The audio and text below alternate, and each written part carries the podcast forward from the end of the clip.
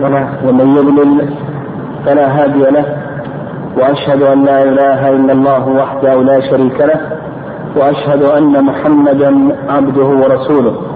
اللهم صل وسلم وبارك على نبينا محمد. وبعد آه، تقدم لنا في الدرس السابق ما يتعلق بأقسام صور مسألة الإجارة المنتهية بالتمليك وذكرنا أنها تنقسم إلى ثلاثة أقسام القسم الأول جائز والقسم الثاني محرم والقسم الثالث مختلف فيه وهما إذا ضبط بضوابط وذكرنا هذه الضوابط وأن بعض العلماء منع من هذا القسم القسم الثالث مطلقا بناء على أن فيه اشتراط عقد في عقد وهذا لا يصح وأيضا فيه تعليق عقد البيع على شرط مستقبل وتعليق عقد الهبة على شرط مستقبل إلى آخره. وأن الرأي الثاني الصحة بتلك الضوابط آه، هذه المحاذير لأن الأصل في المعاملات الحل واشتراط عقد في عقد الصواب أنه صحيح وكذلك أيضا تعليق العقود الصواب أنها صحيحة إلى آخره. وذكرنا شيئا من الصور التي أجازها مجمع الفقه الإسلامي. درس اليوم يتعلق بالودائع المصرفية وأقسامها وأنواع كل قسم.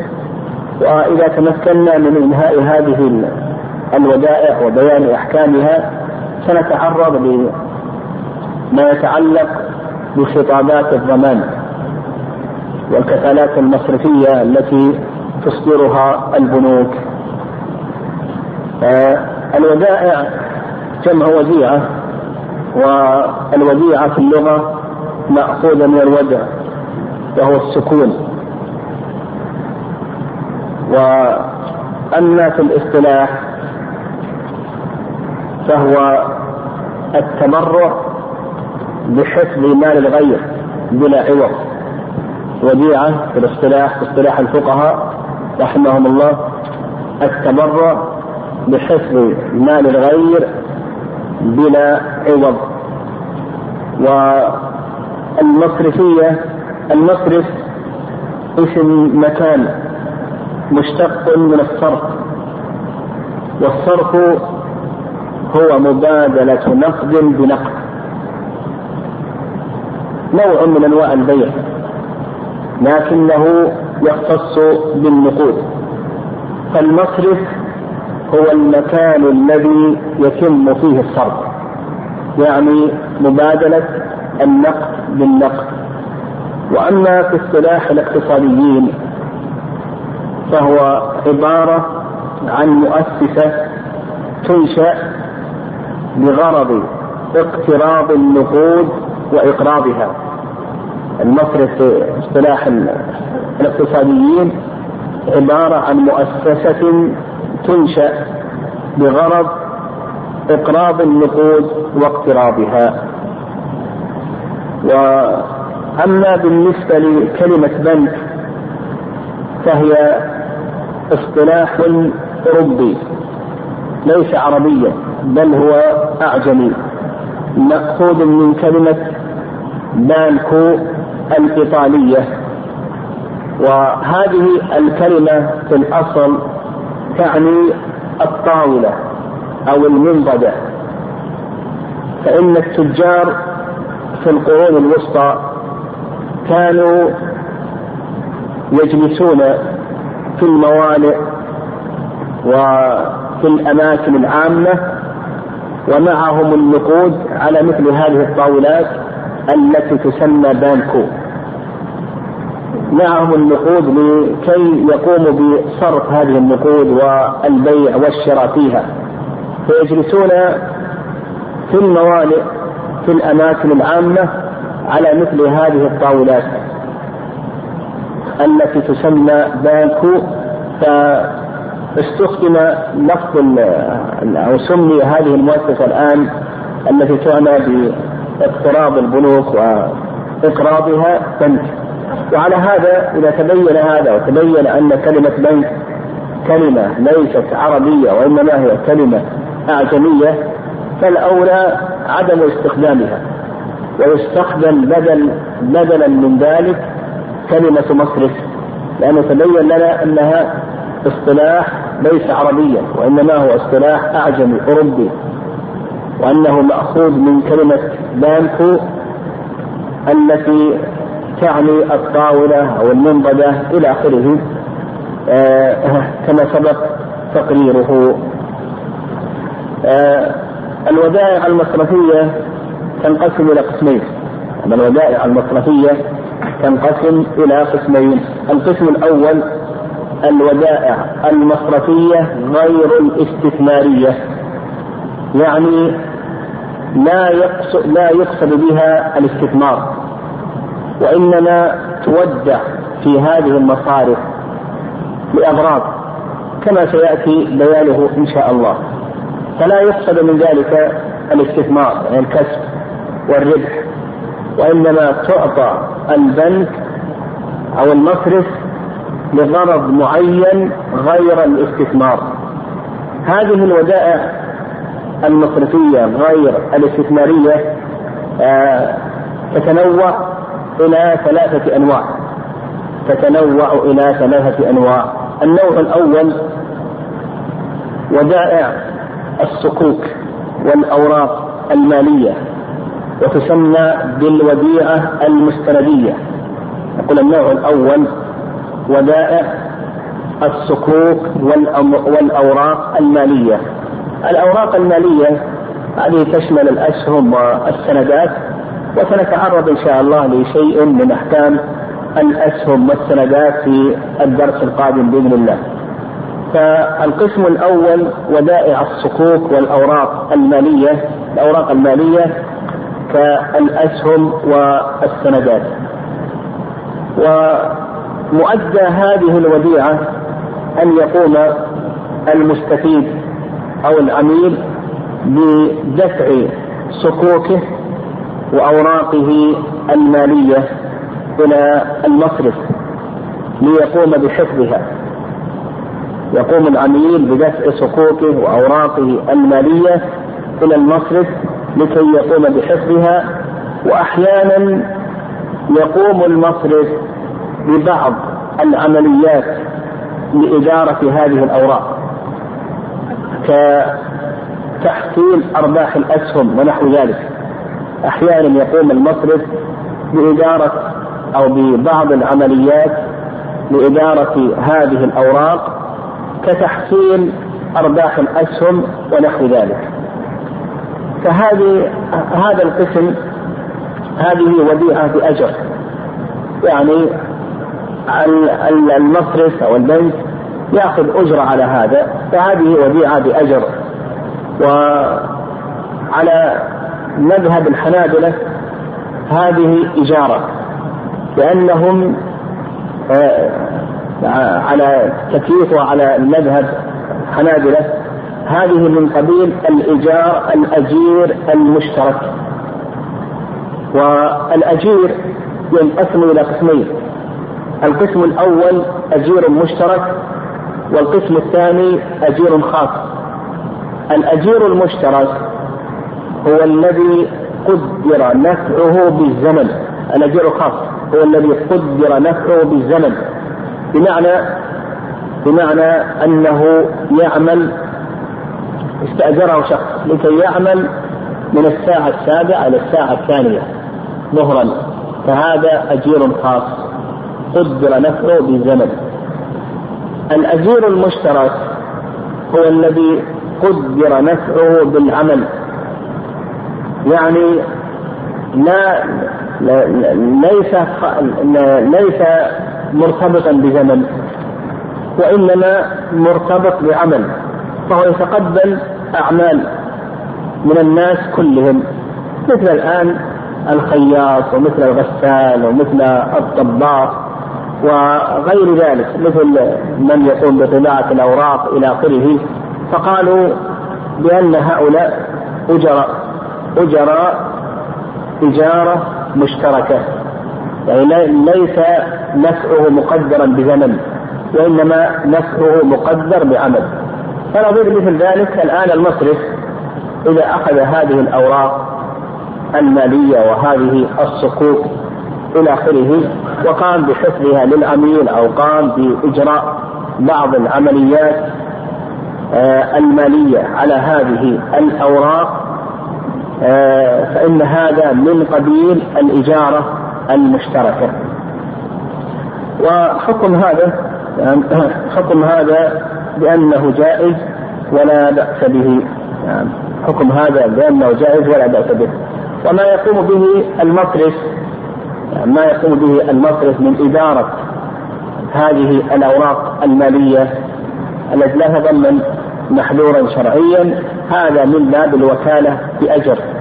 والوكالة بأجر يصح يعني يصح أن توكل شخصا لكي يبيع لك وكي يشتري إلى آخره بأجرة. فإن هذا جائز ولا بأس به. القسم الثاني أو النوع الثاني من أنواع الودائع المصرفية غير الاستثمارية.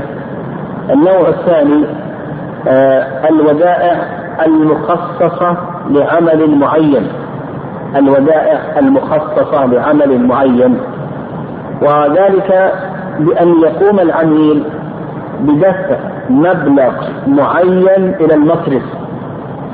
بغرض بغرض آه، تسديد الفواتير أو سداد قيمة الكمبيالة أو شراء أوراق مالية كان يشتري له أسهما إلى آخره بحيث لا يتضمن هذا الشراء محذورا شرعيا. فالنوع الثاني الودائع المخصصة بعمل معين وذلك بأن يقوم العميل بدفع مبلغ من المال لكي يقوم البنك بأعمال معينة كشراء أوراق مالية كأن يشتري مثلا أسهما إلى آخره.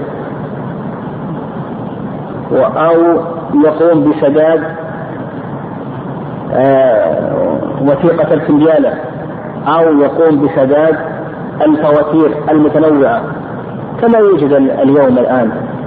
يعني يدفع له مبالغ لكي يقوم بسداد الفواتير أو آه لكي يقوم بسداد الفنجالة أو آه لكي يشتري له أوراقا مالية إلى آخره بشروطها الشرعية فإن هذا جائز ولا بأس به.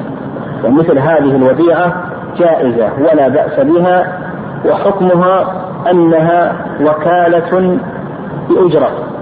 يعني أن توكل الآن المصرف على أن يقوم بهذا العمل لو أخذ عليك عمولة مقابل أنه يشتري لك هذه الأوراق النقدية أو أنه يقوم بسداد هذه الفنيالة أخذ عليك عمولة فإن هذا جائز ولا بأس به وحكمه أنه آه وكالة بأجر والوكالة يجوز أخذ الأجرة عليها. كما سلف فلو وكلت شخصا على أن أن يشتري لك سيارة ويشتري لك بيتا وشرط عليك أجرا فإن هذا جائز ولا بأس به. الكمبيالة آه، يعرفونها بأنها آه، وثيقة أو صك محرر يتضمن الأمر من شخص بدفع مال معين في وقت معين لآخر من شخص ثالث أو من طرف ثالث. الكمبيالة هي وثيقة أو صك محرر يتضمن الأمر بدفع مال من شخص إلى آخر من طرف ثالث من طرف ثالث. والكمبيالات هذه غالبا تستخدم في في تسديد أقساط البيوع والآن يعني حل محلها كثيرا ما يسمى بالشيك. يعني الشيك الآن هذه كانت تستخدم آه، قبل فترة. لكن الآن أكثر أصبح الآن أكثر تعامل الناس فيما يتعلق بالشيك ونحوه. نعم ولعل إن شاء الله سيأتي إن شاء الله طرف من الحديث عن الأوراق التجارية وما يتعلق بها. المهم أنه تلخص لنا أن الودائع المخصصة لعمل معين أنها جائزة وأنها عبارة عن وكالة بأجرة والأصل في ذلك الحل وأنه آه، لا بأس به واخذ الأجرة على الوكالة هذا جائز ولا بأس به. القسم أو النوع الثالث من الودائع المصرفية غير الاستثمارية. آه، الخزائن الحديدية. القسم الثالث الخزائن أو وديعه الخزائن الحديدية. وذلك أن بعض المصارف تؤجر خزائن حديدية مقابل أجرة معلومة. يستفيد العميل من هذه الخزينة بحسب نقوده أو أوراقه الثمينة أو غير ذلك. ويكون مع العميل مفتاح والمصرف يكون معه مفتاح آخر. النوع الثالث وديعة الخزائن الحديدية وذلك أن بعض المصارف تقوم بتأجير خزائن حديدية يستفيد العميل بحفظ أوراقه أو نقوده آه، أو آه، مستنداته في مثل هذه الخزائن. مقابل أجر معلوم يدفعه إلى المصرف. ويكون معه مفتاح والمصرف أيضا يكون معه مفتاح آخر. حكم هذه يعني حكم هذه أنها إجارة بعوض يعني أنها إجارة بعوض فالمصرف يقوم بتأجير العملاء مثل هذه الخزائن الحديدية. وهذا جائز ولا بأس به. هذا جائز ولا بأس به. هذا هذا ما يتعلق بالقسم الأول. وهي الودائع المصرفية غير الاستثمارية. آه القسم الثاني الودائع المصرفية الاستثمارية. الودائع المصرفية الاستثمارية. وهي أنواع. أربعة أنواع.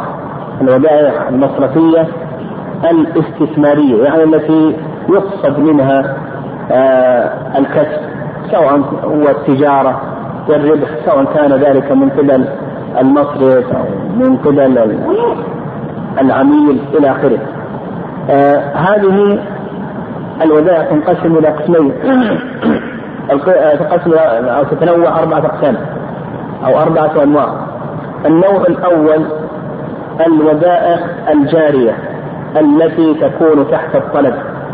النوع الأول الودائع الجارية التي تكون تحت الطلب. وذلك بأن يقوم العميل بإيداع مبالغ نقدية لدى المصرف بقصد أن تكون قابلة للتداول والسحب عند الطلب. نقول النوع الأول الودائع الجارية. الودائع الجارية. وذلك بأن يقوم العميل بإيداع مبالغ نقدية عند المصرف بقصد السحب والتداول عند الطلب. يعني إذا أراد أن يأخذ هذه الدراهم فإنه يقوم بأخذها في أي وقت شاء. يعني في أي وقت شاء. و وهذا ما عليه عمل كثير من الناس اليوم عمل عليه ما عليه كثير من الناس في مثل هذه البلاد أنهم يقومون بايداع أموالهم ودائع جاريه عند الطلب عند هذه المصارف بحيث أن العميل يتمكن من سحب هذه المبالغ في أي وقت شاء. آه هذه هذه الودائع تحتها مسألتان. المسألة الأولى كيفية هذه الودائع. ما هي الكيفية لهذه الودائع؟ والمسألة الثانية حكم هذه الودائع. حكم هذه الودائع. المسألة الأولى ما يتعلق بكيفية هذه الودائع. اختلف المتأخرون في ذلك على رأيين. الرأي الأول أن هذه الودائع تعتبر إقراضا من العميل للبنك أو للمصرف. يعني أنت إذا دفعت هذه الودائع إلى المصرف فإنك تكون أقرضت هذا المصرف. وهذا ما عليه أكثر العلماء الآن. ما عليه أكثر العلماء الآن أن عمل العميل في إيداعه لهذه الدراهم عند هذا المصرف إنما هو إقراض منه للمصرف واستدلوا على ذلك بأدلة. يعني استدلوا على ذلك بأدلة.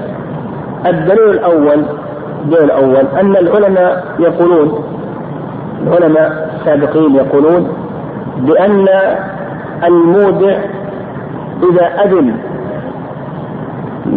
للمودع أن يتصرف في الوديعة فإنما فإنها تتحول إلى كونها قرضا.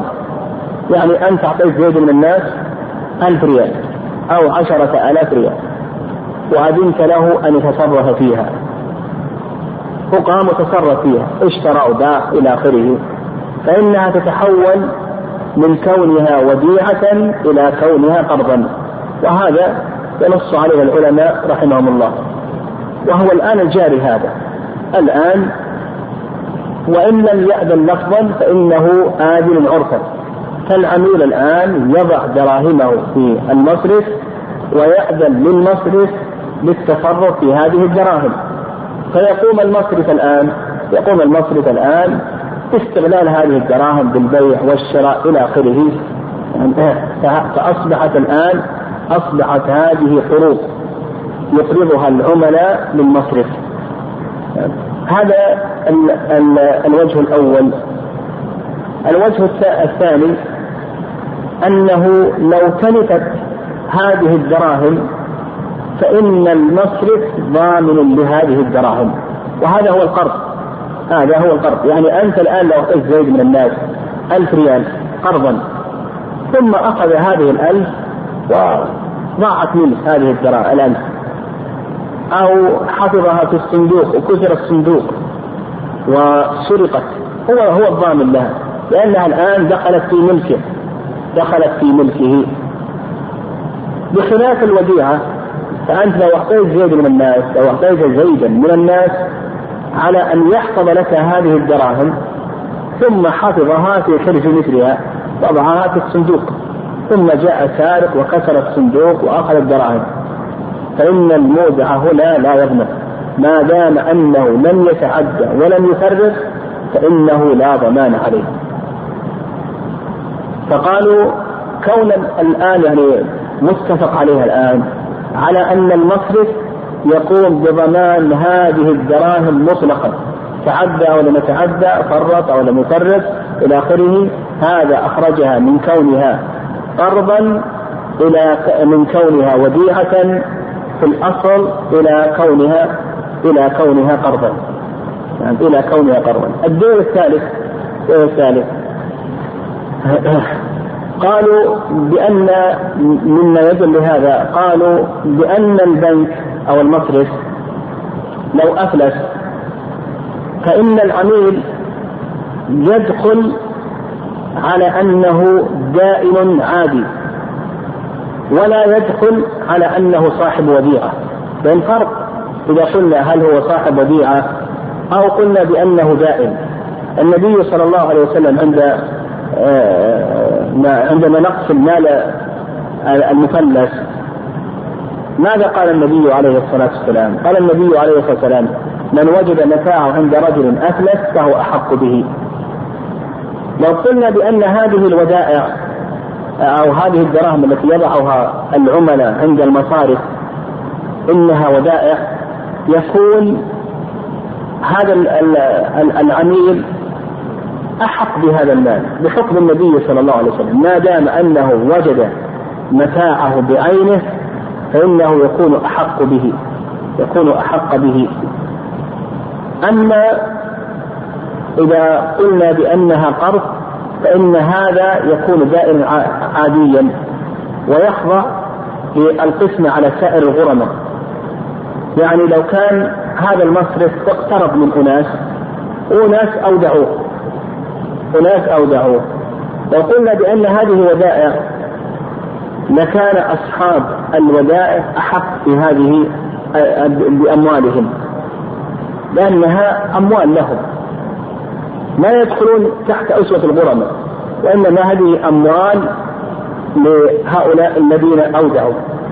فتكون عند المصرف إنما هي أمانة فقط.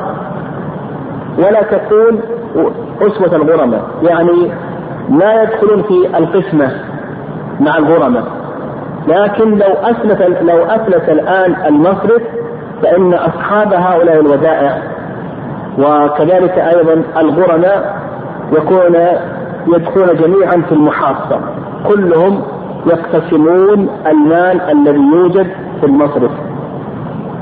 ولا يفرز أموال المودعين يعني باعتبار أنها أمانات.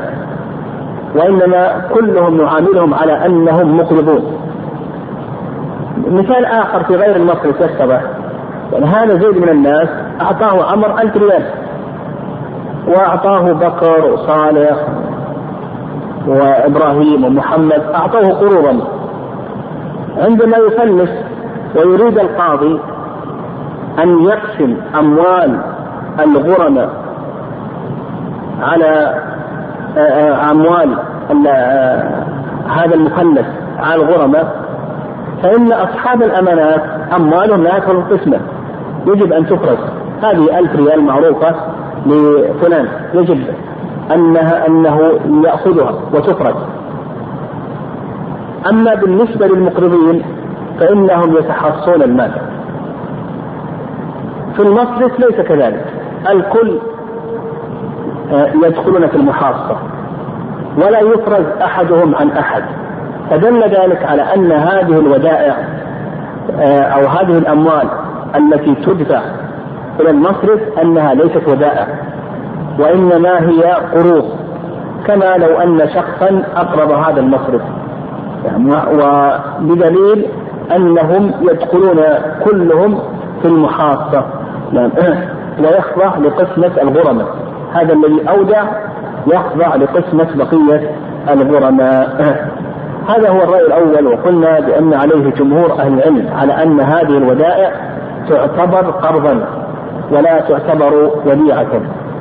القول الثاني القول الثاني أن هذه ودائع كما هو الاسم عليها. وهذا ذهب إليه آه، بعض الباحثين. واستدلوا على ذلك بأنها مبالغ توضع عند المصرف وتسحب عند الحاجة.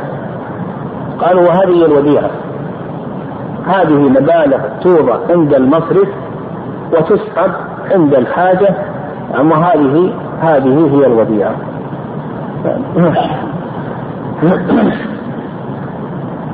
نعم. والصحيح الصواب في هذه المسألة وما ذهب إليه جمهور أهل العلم. يعني جمهور أهل العلم رحمهم الله وأن هذه الودائع التي توضع في البنوك إنما هي إقراض وليست ودائع. وكون الشخص يسحبها عند الحاجة نقول هذا قرض غير مشروط بأجل يعني هذا قرض غير مشروط بأجل مطلق. فله أن يطالبه في أي وقت. نعم. هذا بالنسبة للمسألة الأولى وهي كيفية هذه الودائع التي يضعها الناس. واستمر اسم الودائع وإن كانت في حقيقتها الراجح أنها قروض لهذه البنوك آه، بناء على الاسم الأول وأن الناس آه، تعارفوا على هذا الاسم وإلا فالحقيقة كما سلف أنها قروض يقرضها العملاء لهذا المصرف. المسألة الثانية حكم الإيداع في مثل هذه المصارف. و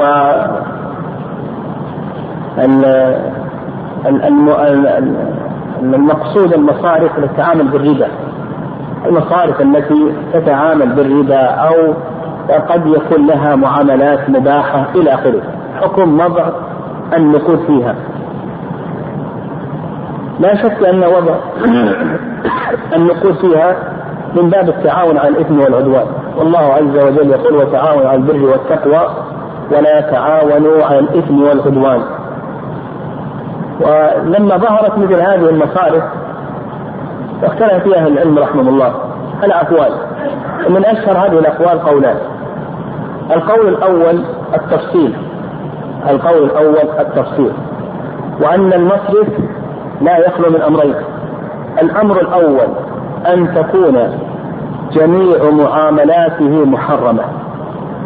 يعني القول الأول قالوا بأن هذا المصرف لا يخلو من أمرين. الأمر الأول أن تكون جميع معاملاته محرمة. فهذا لا يجوز وضع النقود فيه. بما في ذلك من الإعانة على الربا. ولا شك أن الربا من كبائر الذنوب.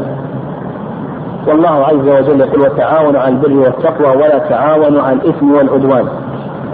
والحالة الثانية الحالة الثانية أن يكون لهذا المصرف موارد أخرى مالية مشروعة غير ربوية. يكون له موارد مالية مشروعة غير ربوية. فقالوا يجوز وضع النقود فيه في هذا المصرف. ما دام أن معاملاته ليست ربوية محضة. وإنما له موارد مالية مشروعة غير ربوية.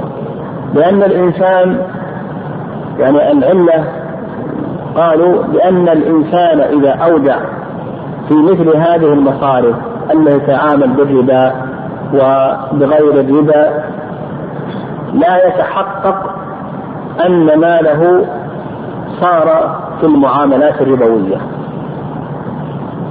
يكون هذا غير متحقق. وإذا لم يتحقق آه، أن ماله صار في المعاملات الربوية فالأصل في ذلك الحل لأن هذا أمر محتمل والأصل في ذلك الحل. قالوا والبعد عن هذا أولى. القسم الأول مصارف تتعامل بالربا أو معاملاتها ربوية محضة. وأيضا يظهر من كلامهم أن التعاملات النادرة هذه يعني المباحة النادرة هذه لا عبرة بها لكونها منغلرة في المحرم. فهذا لا يجوز وضع الدراهم أو النقود فيها بما في ذلك من الإعانة على الربا القسم الثاني أن يكون لهذا البنك أو المصرف موارد مالية شرعية. فقالوا يجوز وضع الدراهم فيها بأن الإنسان إذا وضع دراهمه لا يتحقق أنها تستخدم في الأمور المحرمة. والبعد من هذا أولى للشبهة. هذا القول الأول. القول الثاني القول الثاني آه، التفصيل بين الحاجة وعدم الحاجة. فإذا كان هناك حاجة أو ضرورة فلا بأس. يعني إذا كان إنسان يحتاج أو يضطر لمثل ذلك فإن هذا جائز. وإذا لم يكن هناك حاجة أو ضرورة فإنه لا يجوز. إذا كان هناك حاجة بحيث لا يتمكن إلا في هذا المصرف أو آه، يخشى على دراهمه الضياع أو تكون أموال كثيرة بحيث أنه لا يتمكن من حفظها. آه، في مكان آخر غير مصرف فهذا جائز. مع عدم الحاجة أو الضرورة فإن هذا لا يجوز. الرأي الثالث لا الرأي الثالث التفصيل. قالوا إن أمكن وضع إن أمكن وضع هذه الأموال عند من يستعملها في آه، معاملات مالية مشروعة فهذا هو الواجب. قالوا إن أمكن أن يضع أمواله عند من يستخدمها في معاملات مالية مشروعة فهذا هو الواجب. وإذا لم يمكن إذا لم يمكن واحتاج إلى ذلك فإنه جائز. الرأي الثالث التفصيل. إن أمكن أن يضعها عند من يستخدمها في أمور مالية مشروعة فهذا هو الواجب.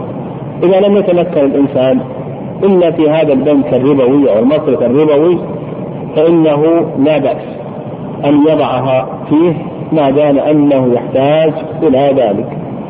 ويظهر أن مسألة الحاجة اليوم يعني ما دام أن الناس الآن ربطوا بهذه المصارف وهذه البنوك. يظهر أن الحاجة الآن عمت يعني لأن الناس الآن ربطوا بمثل هذه المصارف له لا تكاد تجد يبيع أو يشتري إلا آه، عن طريق المصارف لحاجته إلى التوثقة أو لأن كثيرا من المعاملات ربطت.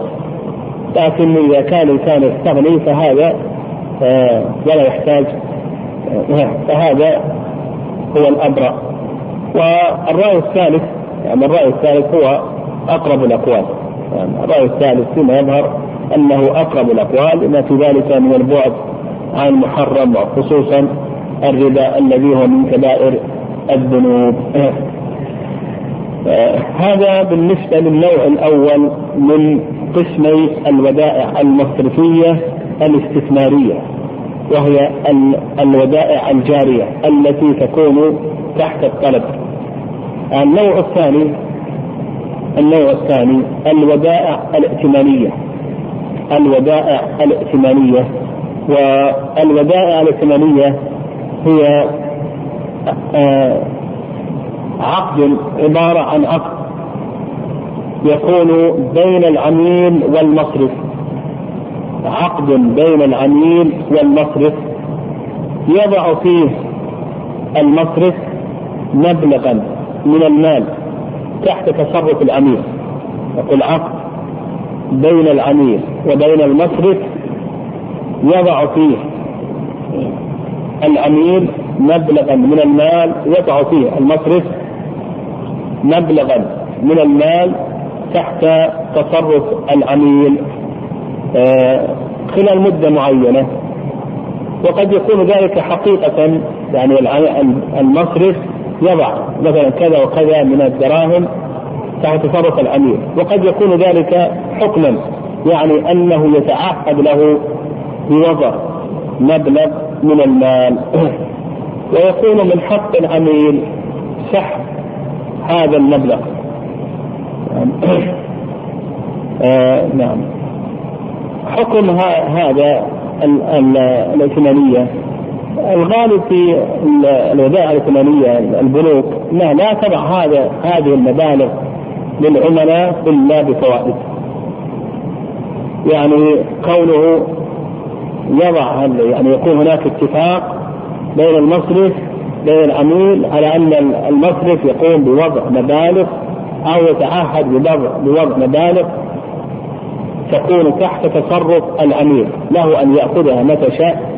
هذه عبارة حكمها أنها إقراض من المصرف للعميل والمصارف الربوية هذه تقوم بأخذ فوائد على هذا الإقراض لكونه يقوم المصرف بإقراض العميل مقابل آه، فائدة هذا محرم ولا يجوز. محرم ولا يجوز. وتقدم لنا ذكرنا في مسألة جمعية الموظفين أن هذا هو الوارد عن الصحابة رضي الله تعالى عنهم أن المنافع التي يستفيدها المقرض من وراء قرضه أنها من الربا. وذكرنا بعض ذلك. ولان القرض يراد به الإرفاق والإحسان وإرادة وجه الله عز وجل. فكون المقرض يشترط فيه منفعة هنا أخرجه عن موضوعه. فنقول بأن هذا محرم لا يجوز. حتى ولو قال العميل بعض الناس يقول أنا أعرف من نفسي أنني فمثلا أسدد مثلا لو اشترط البنك على العميل أنك إذا ما سددت في وقت كذا وكذا عليك فائدة. يقول أعرف أنني سأقوم بالسداد في وقت كذا وكذا وأنه سيأتيني مثلا مرتب ويأتيني مال. يقول أصلا الدخول في هذا العقد محرم. حتى لو كان الإنسان يعرف أنه سيسدد كونك توقع على عقد محرم أصلا لا يجوز. هذا محرم ولا يجوز. فكونك تقول أنا أعرف من نفسي أنني سأسدد إلى آخره هذا لا يأتيك. فالدخول في العقود المحرمة هذا باطل. ومحرم ولا يجوز. ومن أكل أموال الناس في الباطل. آه، النوع الثالث الوديعة لأجل. نعم النوع الثالث الوديعة لأجل. والوديعة لأجل هي عبارة عن المبالغ النقدية التي يودعها أصحابها في المصارف لا لأجل معين. لا يستحق لهم سحبها إلا بعد مضي فترة محددة. يتفق عليها العميل مع المصرف. نقول النوع الثالث الودائع التي تكون لأجل وهي عبارة عن مبالغ نقدية يقوم العميل بوضعها في المصرف لأجل لا يحق له سحب هذه الودائع إلا بعد مضي هذا الأجل.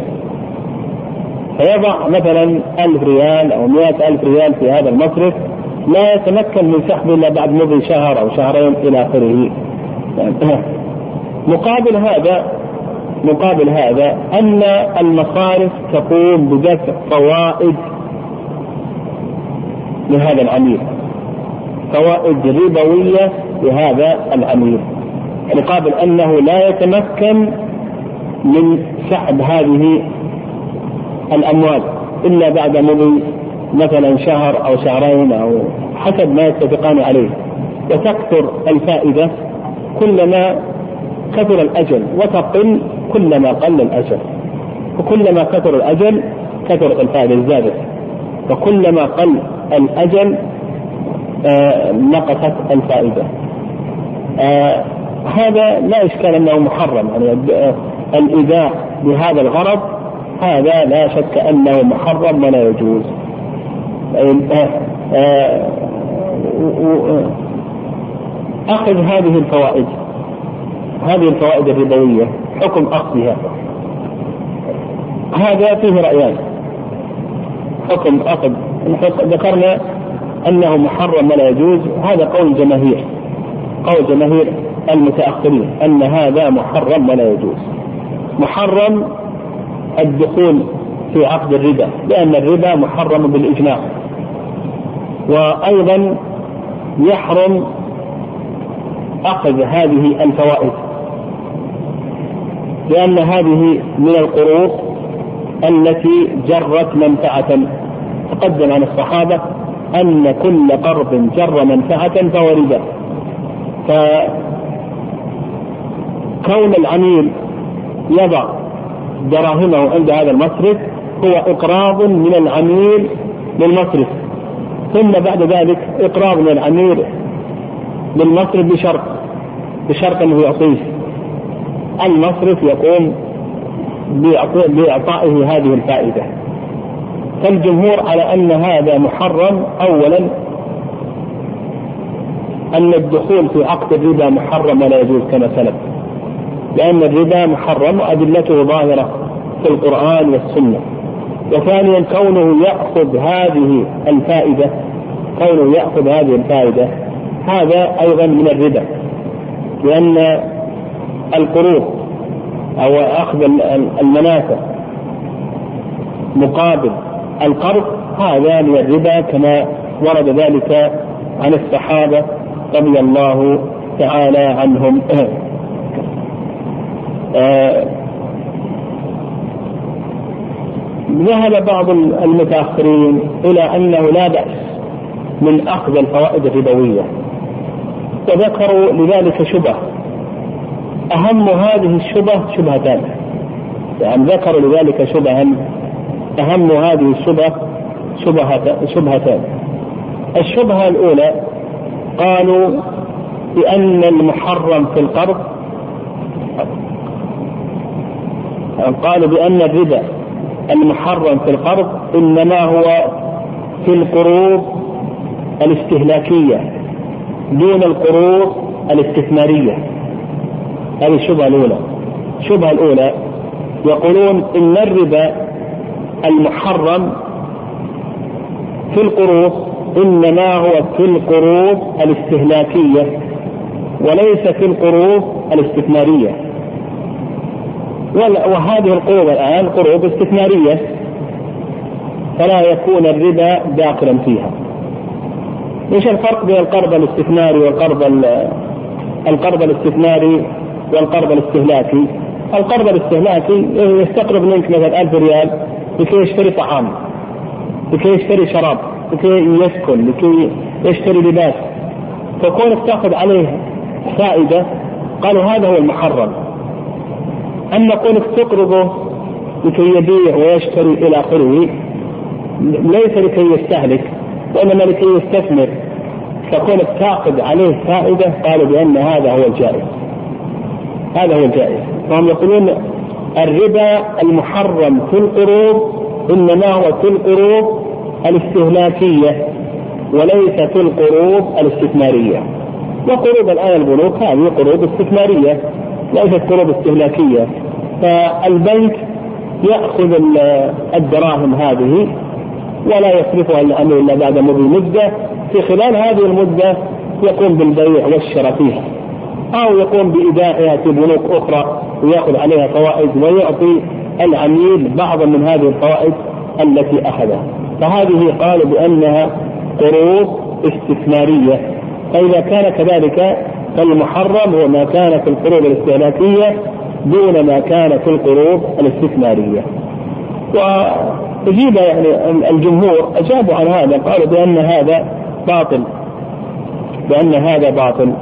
فالعباس رضي الله تعالى عنه كان يأخذ الربا ويأخذ الربا في القروض الاستثمارية ما كان يأخذه في القروض الاستهلاكية لأن العباس آه، آه، رضي الله تعالى عنه كان رجلا كريما كان رجلا كريما و آه، لا يعقل في مثل حال عباس أنه يرابي مع من يريد أن يأكل أو أن يشرب.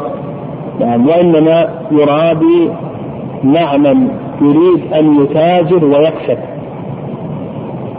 وكذلك أيضا آه، قالوا بأن ديون بني المغيرة المخزوميين الدين الثاني قالوا بأن ديون بني المغيرة المخزوميين آه، التي كانت لثقيف. وبنو المغيرة آه، كانوا أهل جاه وشرف. ولا يعقل أن بني المغيرة كانوا يأخذون الربا على من يقتات الوجه الثالث من رد هذا القول العمومات. فإن عمومات الأدلة لم تفرق بين القروض الاستهلاكية والقروض الاستثمارية. والوارد عن الصحابة رضي الله تعالى عنهم عدم التفريق بين القروض الاستهلاكية والقروض الاستثمارية. كذلك أيضا العلماء في السابق لم يفرقوا هذا التفريق. هذا تفريق حادث. يعني هذا تفريق حادث. فالعلماء في السابق لم يفرقوا وإنما حرموا المنافع التي يكتسبها المقرض ولم يفرقوا بين القروض وأيضا حرموا الربا ولم يفرقوا. فمثل هذا التفريق مخالف للإجماع. يعني مخالف لإجماع العلماء السابقين. فبطلت هذه الشبهة من أربعة أوجه. الوجه الأول العمومات وأنها لم تفرق. الصحابة رضي الله تعالى عنهم لم يفرقوا والعلماء لم يفرقوا. وأيضا قالوا بأن العباس كما تقدم أنه كان يأخذ الربا ولا يظن به أنه يأخذ الربا ممن يحتاج وإنما هو رجل كريم لما يأخذه ممن يستثمر. كذلك أيضا كما سلف أن بني المغيرة المخزوميين كانت لهم ديون عند ثقيف ولهم آه، ربا إلى آخره. ولا يعقل أنهم كانوا يأخذون الربا ممن آه، يريد القوت وإنما ممن يريد التجارة.